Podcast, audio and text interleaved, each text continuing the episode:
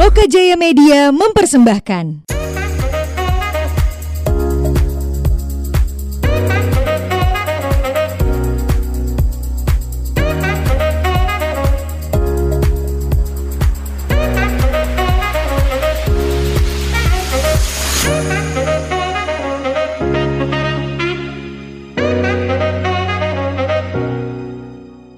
Welcome to Ngobrol di Podcast. This is your host Angga Baskara.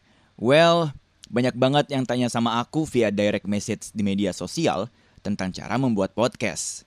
Nah, kalau kalian mau bikin podcast tapi masih bingung rekamnya pakai apa, nih, ada aplikasi keren yang bisa langsung membantu kalian untuk merekam, menyimpan, dan mendistribusikan podcast kalian. Namanya adalah Anchor. Anchor adalah platform online yang digunakan podcaster-podcaster di seluruh dunia untuk memperkenalkan podcast mereka. Seluruh podcaster di Lokajaya Media pun juga pakai Anchor kok. So tunggu apa lagi? Langsung download Anchor di handphone kamu atau kunjungi www.anchor.fm. By the way, ini sebuah gratis. Welcome to Ngobrol di Podcast. This is your host Angga Baskara. Well, kita udah menjalani kurang lebih sekitar 4 bulan dalam masa pandemi virus COVID-19 dan akibat virus ini pemerintah membuat sebuah wacana tentang yang namanya hidup new normal. Nah, apakah kita sudah bisa untuk melakukan atau melaksanakan hidup, hidup new normal atau ternyata itu malah jadi bumerang untuk masyarakat kita sendiri? Kalau gitu spesial hari ini kita bakal bahas kupas tuntas putar new normal barang salah satu dokter yang ini nggak asing lagi sih di media sosial doi udah terkenal banget nih. Terkenal. so please welcome our guest in this episode ada Dokter Ana Agung Ayudia Cita Dewi aka Dokter Gung Dewi. Ya, halo semuanya. Apa kabar Sehat, dok? Ya, eh, kebetulan sehat. Sehat? Ya. All is good? Eh, ya, all's good. Oh, Oke. Uh, by the way, it's such an honor for me to having you in my podcast Thank today. you, me too. Wow, ini pertama kali uh, ngobrolnya bareng dokter, by the way. Mm-mm. Dan kayaknya nggak bakal main-main nih hasilnya. Ngobrol santai aja ya. Kita ngobrol santai aja. Ngobrol santai. By the way, hari ini udah kelar praktek. Sudah kelar praktek hari Mm-mm. ini, cuman ya karena apa sih? eh Covid-Covid ini kita emang membatasi praktek untuk di jam-jam seperti normal Mm-mm. gitu lah. Paling enggak ya eh, sejam dua jam gitu. Emang normalnya biasanya praktek dari jam berapa sampai jam berapa sih? Normalnya sih dari jam 8 sampai jam 12 atau jam 1 Mhm. siang. Cuman kan kalau sekarang paling enggak eh, kita by appointment atau enggak kalau ada emergency baru kita eh, ke rumah sakit gitu. Cuma klinik di klinik ya? Apa Di, di rumah sakit. di rumah sakit tetap buka 24 jam kan? Ya, rumah sakit tetap buka 24 jam untuk kasus-kasus mhm. emergency.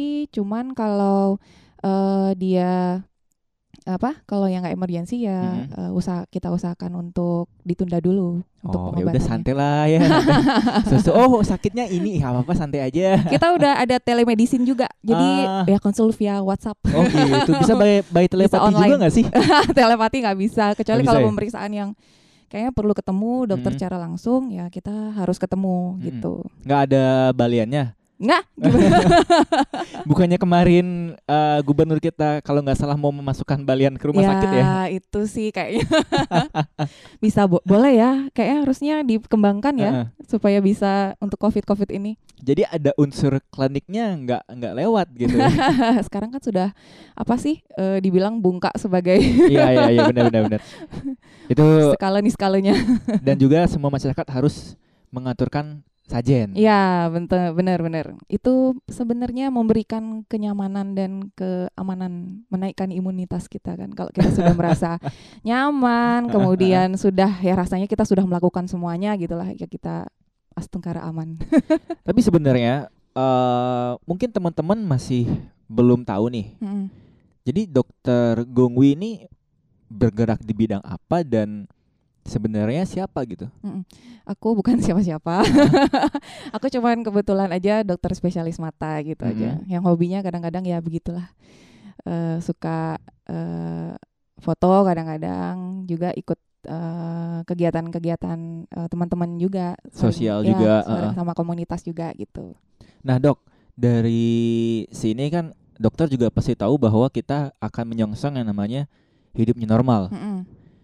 Yang mungkin kalau kita perhatikan kemarin-kemarin nggak ada tuh yang namanya hidup old normal. Iya. Iya nggak sih? abnormal hidup Iya. abnormal. Toko. Kayak kita nggak nggak nggak ada yang namanya eh, old normal kayak Mm. kemarin-kemarin gitu dan new normal pun ternyata cuma dilakukan menambahkan masker, hand sanitizer Ya. dan juga jaga jarak gitu. Mm-mm. Ini sebenarnya penting nggak sih? Dan new normal ini apakah memang sudah seharusnya diterapkan oleh pemerintah kita ke masyarakat? Udah udah, udah perlu nggak sih masyarakat kita Mm-mm. terhadap new normal gitu? Nah, jadi kita harus bahas tentang eh, new normalnya dulu. New Mm-mm. normal itu eh, kalau WHO bilang dia new new norm, norma baru gitu. Kalau di Mm-mm. Indonesia dia bilangnya new normal ya udahlah istilah beda-beda gitu kan. Cuman eh, new normal itu adalah suatu tatanan atau cara kita beradaptasi di tengah pandemi gitu. Bukan back to normal, Mm-mm. eh, bukan eh, apa? Eh, jadi kita merubah kebiasaan kita yang sebelumnya menjadi kebiasaan yang baru. Nah, eh, kenapa sih kita bisa eh, harus eh, kembali ke apa belajar untuk new normal? Mm-mm. Itu sebenarnya eh, ada syarat-syarat yang harus dipenuhi oleh pemerintah. Nah, misalnya kita melakukan tes, trace dan isolate. Jadi pemerintah itu mampu untuk eh, tes dengan kapasitas yang besar, Hmm. kemudian men-tracing eh, klaster-klaster baru. Sekarang kan banyak klaster baru di pasar Iya atau benar. apa Heeh. pemerintah itu mampu untuk eh, seperti itu. Kemudian eh, kita itu harusnya eh, mulai new normal apabila eh, kurvanya sudah menurun, Mm. tidak ada penambahan kasus selama dua minggu, kemudian apa eh, eh, kurvanya sudah mulai melandai seperti itu gitu. Nah di Twitter aku sempat lihat ada meme jokes gitu Mm-mm. tentang kurva yang terjadi kalau di Singapura, Malaysia udah Mm-mm. mau membaik, Membaik, terus eh, negara-negara Eropa udah membaik ya. iya, Di Indonesia ini kurvanya naik terus nih, iya. kayak kayaknya nggak turun-turun tuh. Ini Ah. beneran nggak sih? Dan dan dan di beberapa media sosial pun juga banyak ada ya akun-akun yang membeberkan fakta-fakta entah eh, aku nggak tahu sumber dari mana ya, Ha-ha. tapi beberapa akun yang aku sempat lihat di timeline hasil retweetan eh, sesama mutual itu memperlihatkan bahwa banyak sekali eh, kurva-kurva atau data-data secara sains yang memperlihatkan kita ini belum siap untuk melakukan new normal. Nah, itu dia. Jadi kapasitas dari testing kita, maksudnya dari jumlah penduduk dan eh, hal lain-lainnya itu masih belum terlalu banyak. Kemudian penambahan kasus, eh, eh, penambahan kasus juga sudah mulai banyak. Jadi memang sebenarnya sih kalau dari segi kesehatan kita masih jauh banget eh, dari eh, tatanan hidup new normal karena Mm. kurva kita sedang naik-naiknya. Mm. Kemudian pemerintah dengan alasan mungkin ekonomi dan eh, macam-macam ya. pendidikan dan Ya, ketahanan dan- pangan ya. ya, Heeh. begitulah. Dia eh, merencanakan untuk tatanan new normal. Kemudian eh, di sini sih yang kita sebagai tenaga medis kadang-kadang eh, ikut deg-degan juga nanti Hmm. gimana gitu, balik Hmm. gimana, siap Hmm. nggak? Ke sementara sih di beberapa rumah sakit itu sudah mulai penuh. Lagian eh, yang kemarin juga paling banyak kan 66 penambahan kasus di Bali kan. Iya, itu udah over banget sih sebenarnya nggak sih? Ya, heeh, itu dah. Jadi kita sudah merencanakan new normal, tapi ya di saat kurva lagi naik, mungkin Indonesia menjadi percontohan pertama kali di antara negara-negara yang lain gitu. Kalau ada memes tuh eh tahu nggak yang memes a- anak naik tangga tuh? Iya, Jadi kalau di Indonesia tuh kalau negara luar kan udah ada rapid test, terus juga swab test heeh, PCR, eh, dan heeh. PCR. Kalau Indonesia dari COVID langsung ke new normal. new normal. ya, Jadi ya. naik tangganya langsung lewatin ini nih, Heeh. ajaibnya bisa langsung lewatin Iya. tangga yang harusnya di step-step yang udah disiapkan gitu. Mm-mm. Ya itulah eh, orang Indonesia ya. Jadi kalau dikasih peraturan yang terlalu mengekang, mereka kadang-kadang eh, apa eh, suka keluar-keluar yang kayak Hmm, gitu-gitu. hmm. Jadi memang eh, yang paling padahal halnya sebenarnya simpel kan.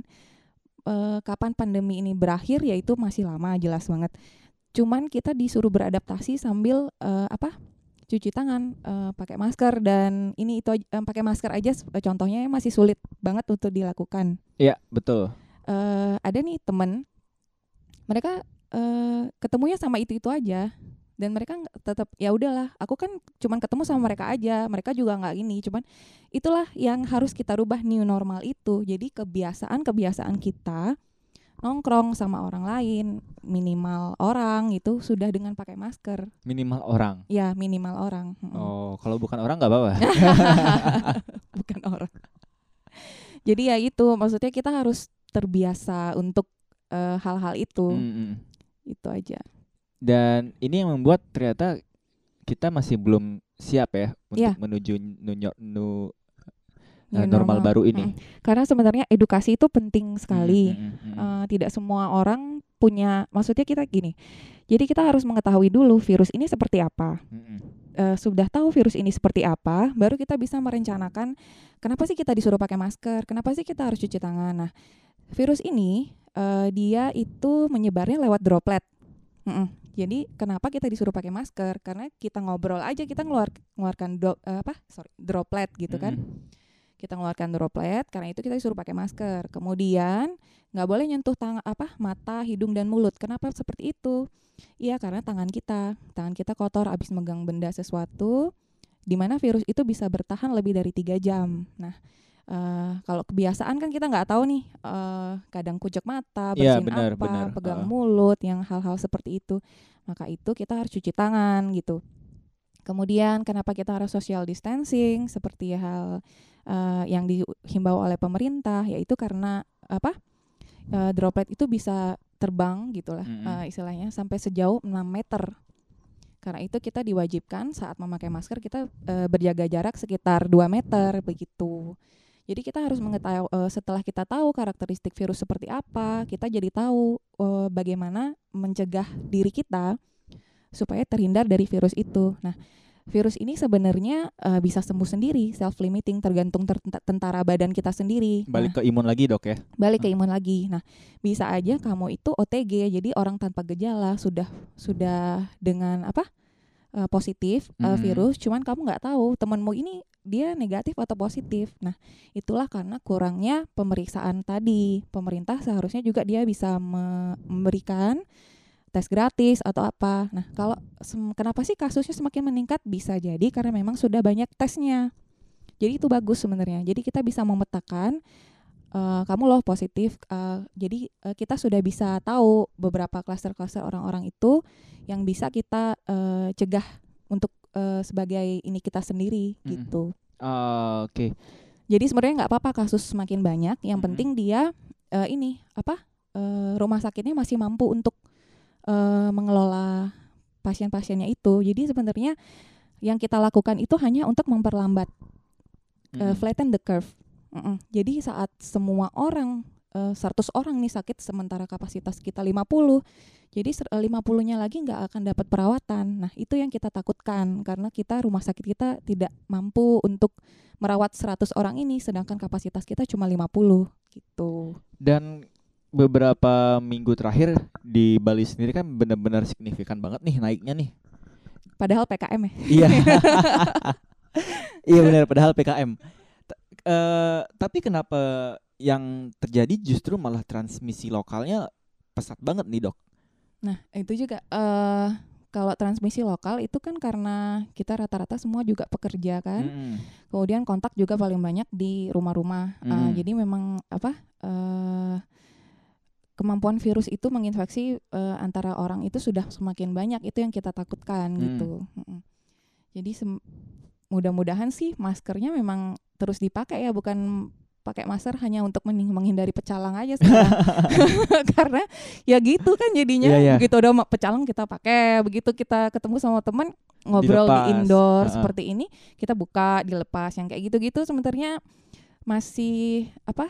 Uh, jadi kebiasaan orang-orang kita. Uh, kalau kita ke, apa?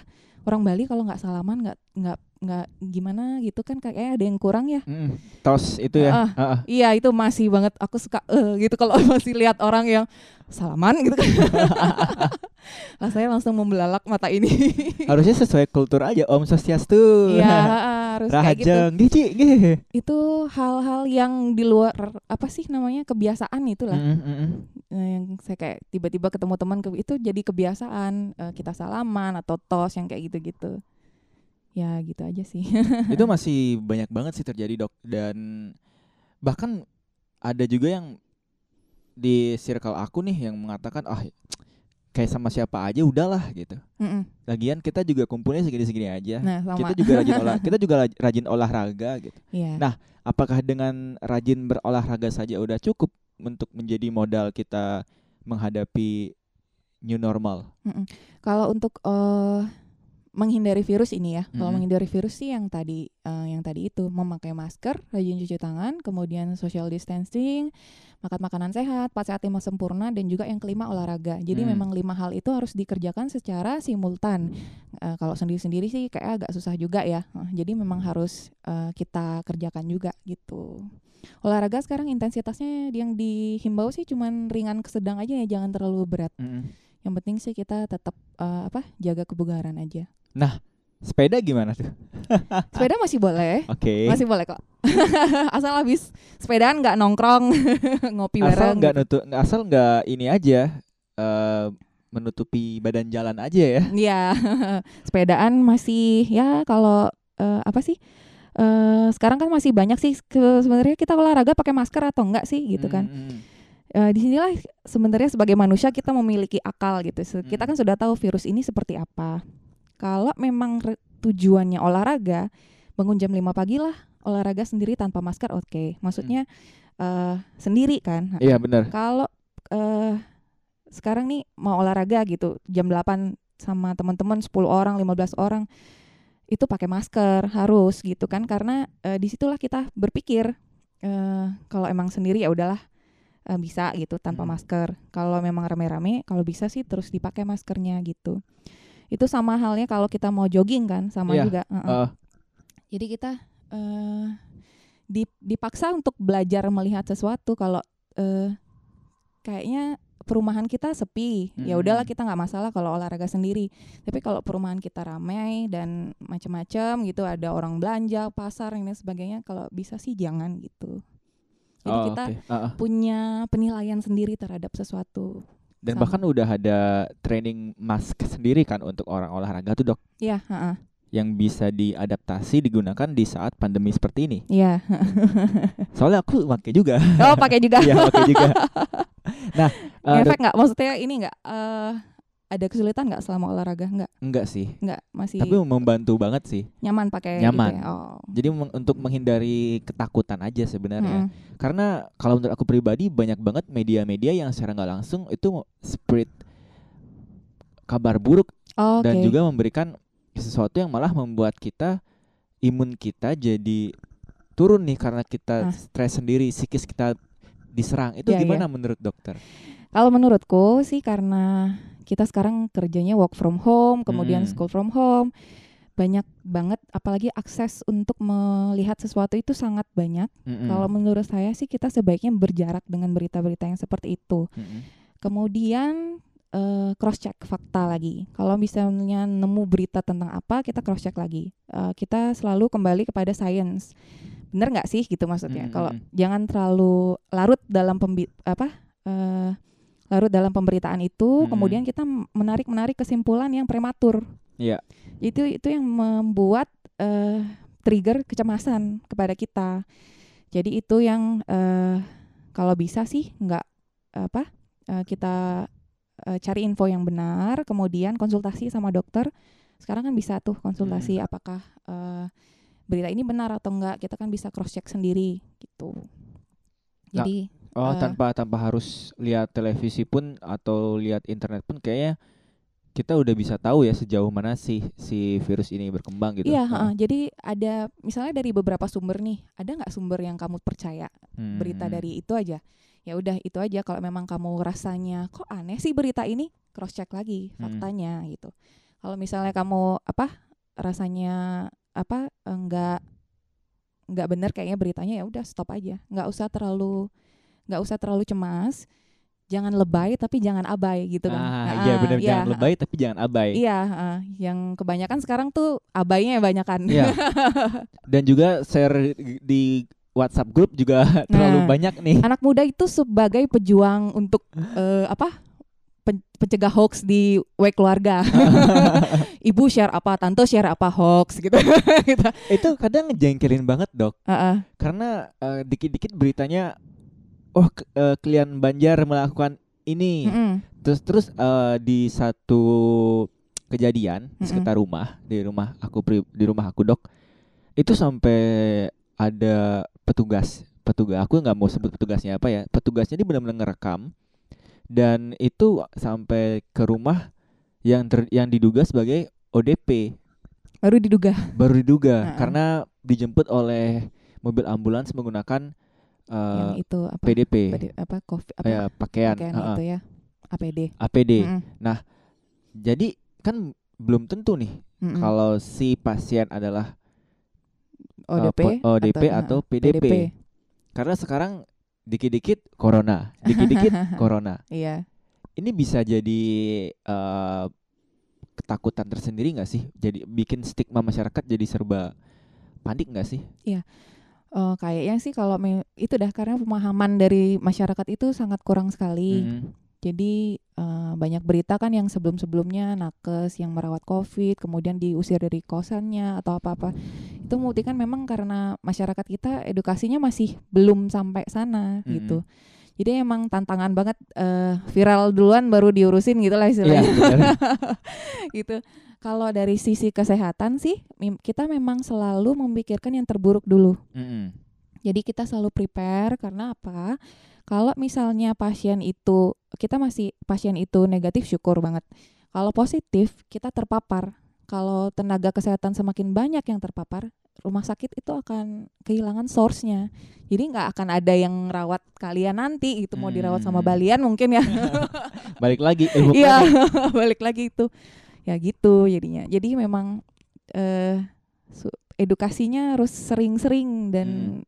kayaknya memang anak muda yang ada di grup-grup eh, keluarga sebagai penyambung pemutus, pemutus berita hoax. berita hoax. Nah, itulah eh, kadang-kadang ya memang banyak sekali kan dari keluarga yang nge-share nge-share seperti itu Mm-mm. gitu. Itu pertanda apakah mereka takut atau cuma panik sesaat Eh, untuk apa? karena men-share berita-berita yang bahkan belum tentu sumbernya kredibel, Dok. Hmm. Kayaknya sih memang karena panik ya. heeh. Mhm. Jadi memang kalau edukasi kurang kan kita jadi gampang ke-trigger untuk cepat nge-share sesuatu untuk Mhm. memvalidasi apakah ini bener nggak sih, bener nggak sih gitu. Ya itu dia yang harus kita apa pelan-pelan kita eh, putus gitu kan supaya sebenarnya sih juga eh, dibantu sama media yang kredibel. Jadi memang orang-orang ini em, mem- kayak pemerintah tuh kan himbauan, himbauan, himbauan terus kan itu juga banyak membuat polemik dan kecemasan juga ya, di kita betul. kita. Heeh. Jadi memang harus ada tatanannya yang perlu diperbaiki gitu. Ah, Oke. Nah, kalau dokter sendiri melakukan dan mempersiapkan new normal ini seperti apa? Kalau aku dari awal memang eh, kalau misalnya pulang dari eh, jadi memang ada hal yang akan berubah. Jadi keluar rumah memang sudah pakai masker, Hmm. kemudian eh, sampai rumah sakit ganti baju untuk eh, apa? Ganti baju untuk eh, periksa pasien itu juga. Kemudian kita pakai face shield, pakai Google, pakai maskernya double itu untuk proteksi kita selama eh, periksa pasien. Kemudian eh, kalau pulang ke rumah langsung mandi, nggak boleh sentuh apa-apa lagi gitu. Mandi, setelah itu baru bisa eh, apa? Eh, beraktivitas seperti biasa di rumah. Itu pun aja masih ada rasa deg-degannya karena takut eh, juga kan. Heeh. Heeh. Sebenarnya kita harus memulai memikirkan mitigasi sederhana sekedar berkunjung ke rumah kelo- orang tua gitu. Orang tua juga kan yang di atas umur 50 tahun kita harus pikirkan gimana sih kita eh, kunjung eh, mengunjungi rumah orang tua seperti hal-hal kayak gitu. Sebenarnya pemerintah juga harus mengedukasi mulai mengedukasi hal seperti itu gitu. Banyak sekali sebenarnya yang eh, kita harus eh, siapkan untuk menuju new norm ini. Mm. Uh, selain itu juga uh, misalnya kalau kita belanja nih ke supermarket, nah meskipun sudah ada apa sih marker ma- apa uh, jarak-jarak Iya. itu, Heeh. pernah nggak sih waktu kamu ngantre di kasir orang yang di sebelah udah nyelonong aja di sebelah, Sejauh ini sih belum, Dok belum ya. ya? Tapi Karena- dokter udah pernah Karena ngalamin. pernah, ya jadi orangnya sebelah aja padahal udah ada kan jarak uh, kasih jarak satu meter pembatas ya, gitu kan gitu. otomatis gitu. Uh, uh. noleh gitu kan ah ya ampun nih orang gitu kan antara aku yang menjawab apa apa gimana gitu kan ya ya hal-hal seperti itu nggak semua orang tahu gitu mm -hmm. itu yang uh, PR banget sih buat kita untuk sosialisasi gitu jadi ini apakah balik lagi sebagai kesalahan bukan kesalahan pemerintah sih tapi kurangnya pemerintah memberikan edukasi atau dari kitanya sebagai masyarakat yang memang masih suka abai dan menganggap masa bodoh dan menganggap masa bodoh gitu. Hmm. Kalau untuk himbauan itu kan sudah banyak banget ya, hmm. apalagi sampai kita, pusing sendiri ngeliatnya. Iya, iya. karena udah sering banget, aku jadi bosen juga ah. gitu kan. Aduh, sampai sebenarnya aku iseng aja bikin polling di Instagram. Kalian masih takut nggak sih kalau dengar COVID? Banyak udah yang bilang udah biasa aja gitu, udah biasa. Jadi memang uh, apa? Berarti uh, memang tergantung dari masyarakat ini sendiri karena pandemi ini berhasilnya ya dari diri sendiri gitu. Hmm. dan masyarakat sebenarnya. Sebenarnya petugas kesehatan itu garda terakhir. Hmm. garda terdepannya itu masyarakat dan pecalang mungkin iya itu. Jadi ya apa uh, kalau bisa sih karena kita garda terakhir jangan sampai lu ketemu gue nih di rumah sakit gitu kan. Ah, karena iya, bener, kita bener. udah akhir banget nih nih. Nggak bisa ngapa-ngapain lagi nanti gitu sama sebenarnya satu hal lagi kalau uh, aku sering ngobrolnya sama temanku. Mm-hmm. Uh, karena mereka masih ya kadang-kadang aku lihat uh, suka apa sih nggak uh, pakai masker dan bla bla bla. Mm-hmm. Jadi aku karena teman ya udahlah kenapa kamu nggak pakai masker gitu kan. Uh, ya udahlah juga cuman sebentar aja sebentar doang ini ini ini. Uh, Oke, okay. jadi aku kasih dia penjelasan seperti ini kadang-kadang. Uh, angka kematian di Indonesia itu 6% Nah, jadi 6 dari 100 orang itu meninggal. Syukur-syukur kamu jadi yang 94-nya gitu kan. Oh, kalau jadi Kalau yang jadi uh, kalau kamu ya jadi dong. yang enamnya ya udah gitu kan. Aku tinggal datang nggak datang lagi. Nggak bisa datang. Nggak bisa datang. Nggak bisa. Syukur-syukur kamu bisa jadi yang 94 gitu kan. Uh. Kasihan juga yang enam ini karena dia cuma berakhir dari angka gitu. Jadi statistik aja lah orang-orang yang nggak nggak terkena ini gitu kan di situ dia baru bener juga ya gitu. Ya ampun ya udah uh, sebenarnya kan cuman kamu cuman disuruh pakai masker hmm. jaga jarak cuci tangan udah gitu kan. Nggak disuruh nggak disuruh apa sih uh, isolasi terus gitu kan di rumah nggak boleh ke mana-mana. Sekarang sudah diberikan kebebasan keluasan sedikit cuman harus dengan memperhatikan protokol kesehatan gitu. Ya itu dia uh, masih banyak yang belum sampai sana. masih banyak yang bandel. Uh, jadi ya karena gitu apa anak muda sih biasanya oh, terutama okay. gitu. Berarti corona ini, covid ini mm -mm. akankah menjadi seperti penyakit biasa pada umumnya? Karena jika kita lihat ke bentuk sosial, ke arah sosial kita, kebanyakan udah ya udah sih ya cuma corona gitu. Mm apa bakal sama seperti oh flu doang, oh demam berdarah doang gitu? Iya. Uh, kalau dari segi kesehatan sih dia memang akan kayak seperti flu biasa ini, cuman dia angka kematian di Indonesia uh, penyebarannya sangat tinggi sekali. Hmm. Maksudnya kemudian angka kematiannya juga tinggi hmm. dibandingkan dengan flu biasa yang cuma satu mungkin 0,5 berapa persen gitu kan. Kalau ini kan sampai enam persen. Uh, penyebarannya sama apalagi uh, di atas 50 tahun dengan kondisi-kondisi tertentu yaitu uh, akan menyebabkan uh, apa orang orang-orang ini akan lebih cepat rentan terkena COVID gitu. Jadi kalau dibilang flu biasa juga bukan, tapi kita masih karena ini virus baru kita masih terus belajar sebenarnya tentang virus ini. Hmm.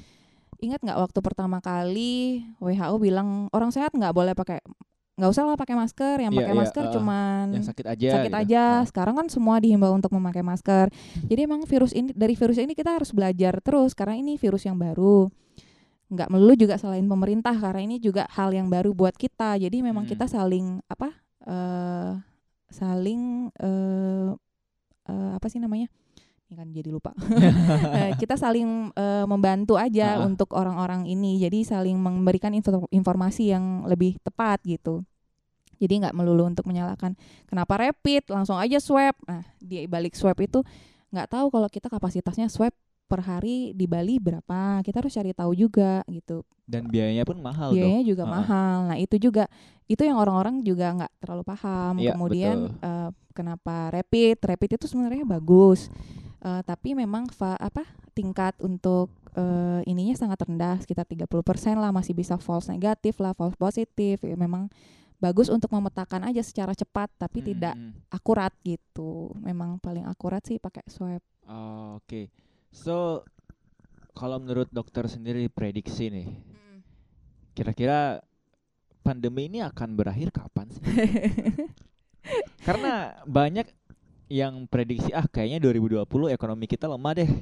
Ah Hmm. Bali 2020 benar-benar mati nih, nggak bisa diapa-apain. Mm-mm. Bahkan wacana eh, dari pemerintah pun yang katanya mau buka Hmm. ba- yang mau dibuka pertama adalah Bali kan Mm-mm. untuk sektor pariwisata karena benar-benar perekonomian di Bali tanpa pariwisata bisa dikatakan mati gitu. Iya. Kalau dari segi medis nih, kira-kira kapan ini akan berakhir? Kapan berakhirnya kayaknya masih kita belum bisa prediksi aja. Itu termasuk tidak bisa mengomongkan tentang masa depan. Itu yang Hmm. men-trigger kecemasan kita. Oh, Oke, jadi kebayang terus nih. Iya, eh, jadi kan eh kita sudah Juni nih new normal gitu kan. Kok sampai sekarang masih belum sih? Masih belum sih. Itu juga Mm, mm, mm. hal-hal yang seperti itu sebenarnya menjadi trigger buat kita sendiri jadi Hmm. cemas gitu kan Hmm. sebenarnya kita hanya bisa untuk eh, apa eh, berpikir untuk apa yang bisa kita lakukan gitu aja nggak nggak tahu mau selesainya tahun depan kayak mau tahu akhir tahun ini setidaknya kita bisa melakukan apa yang bisa kita kerjakan seperti yang itu tadi gitu new normal udah benar-benar akan terjadi nih. Mm-mm. Bukan akan lagi sih. Eh, soon to be bahkan di beberapa daerah udah mulai rame. Contohnya kemarin ada CFD Jakarta yang wah ini benar-benar kalau dibilang lucu kocak gitu dok. Karena benar-benar tumpah ruah masyarakatnya. iya Heeh. Itu bisa menyeb- eh, kalau dibilang lahirnya klaster baru ada kemungkinan gak sih? ada ada pasti pasti Heeh. pasti akan ada kemungkinan. Nah itu yang tadi yang kita eh perlu ya akal sehat kayaknya. Heeh. Jadi kita udah tahu nih virusnya kayak gimana, nyebarnya gimana dan bla bla bla. Akal sehat sekarang nih, punya apa enggak gitu aja kan. Kalau memang mau olahraga di rumah bisa, Mm-mm. Heeh. nggak harus eh, apa sih keluar Ya, yang seperti itu gitu kan. Mau eh, kalau mau ya pagi, apa kalau memang tujuannya olahraga. Ya hal-hal yang seperti itu yang harus kita tanamkan. Misalnya sih kayak aku mau belanja nih kan ke mana gitu. Aku berhenti di dalam sana ada berapa orang? aku ngitung dulu. Oh jadi Banyak. dokter se se strict itu gitu, benar-benar maksudnya lihat ini rame nggak sih? Iya, aku selalu lihat kayak gitu. Jadi kalau misalnya aku ngerasa karena keamanan setiap orang itu berbeda. Ya, kalau betul, menurutku betul. aman, belum tentu menurut orang lain itu aman gitu. Mm, mm.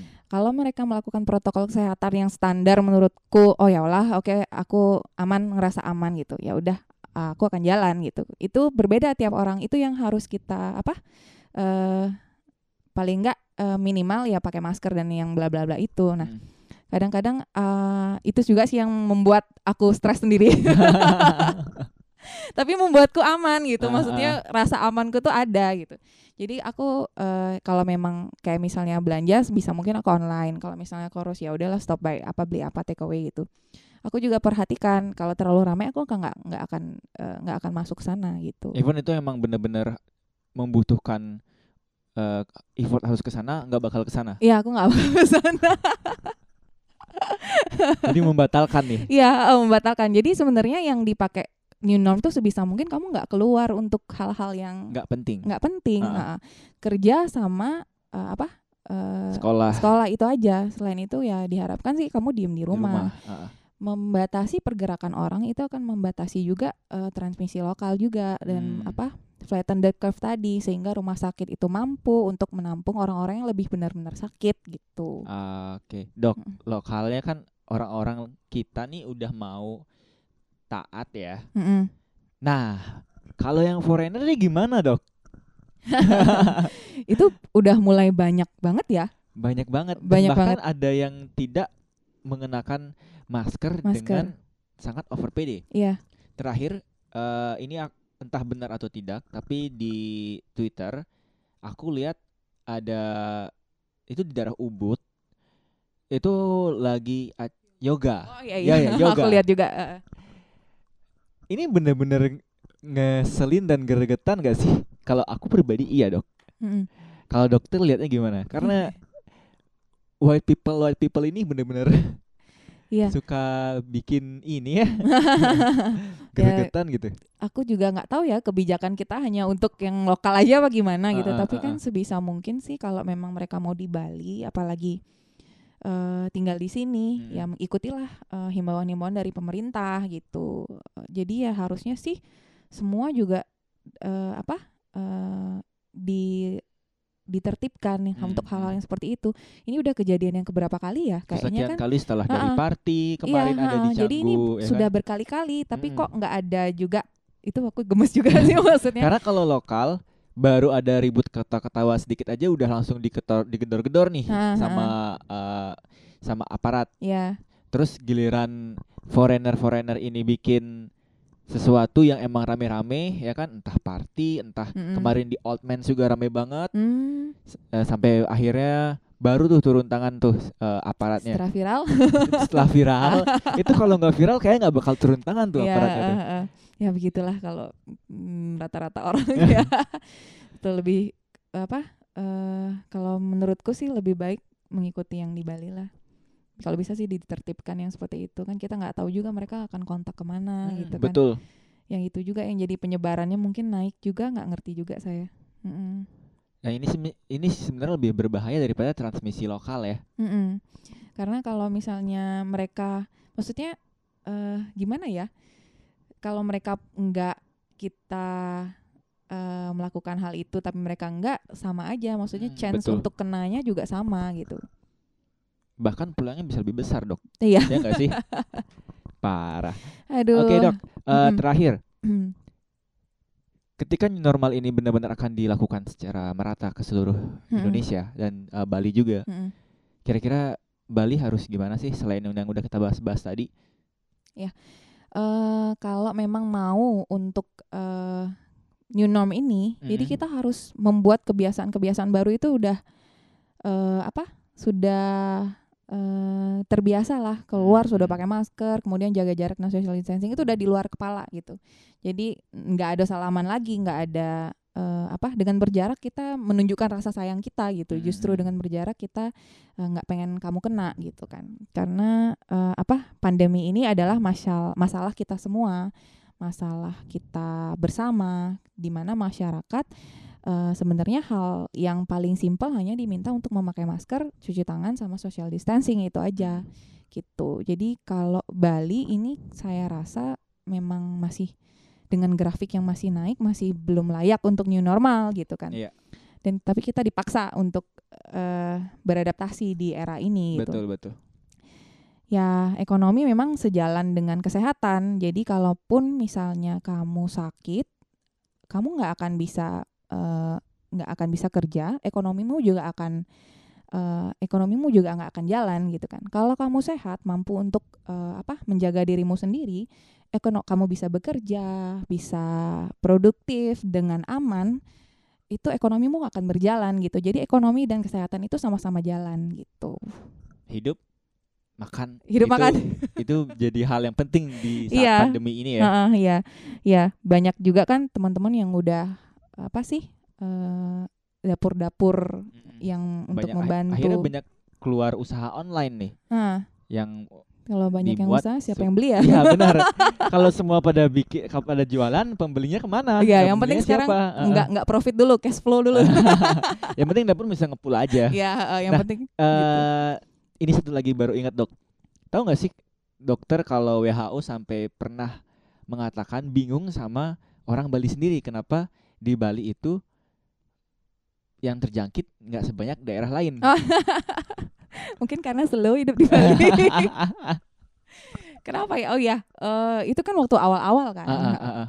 Eh, kita masih belum punya tes yang dan kita masih ngirim sampel untuk keluar gitu. kita Betul, masih betul. belum terdeteksi gitulah. Jangan-jangan ini fenomena gunung es sebenarnya sudah ada, cuman kita aja yang masih belum mampu untuk Mm-mm. ini.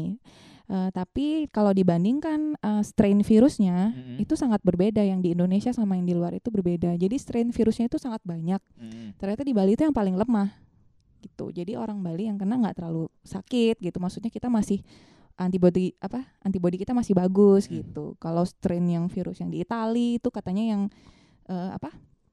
Yang eh, angka kematiannya hingga timbul banyak itu karena strain virusnya dia ganas lebih lebih berat.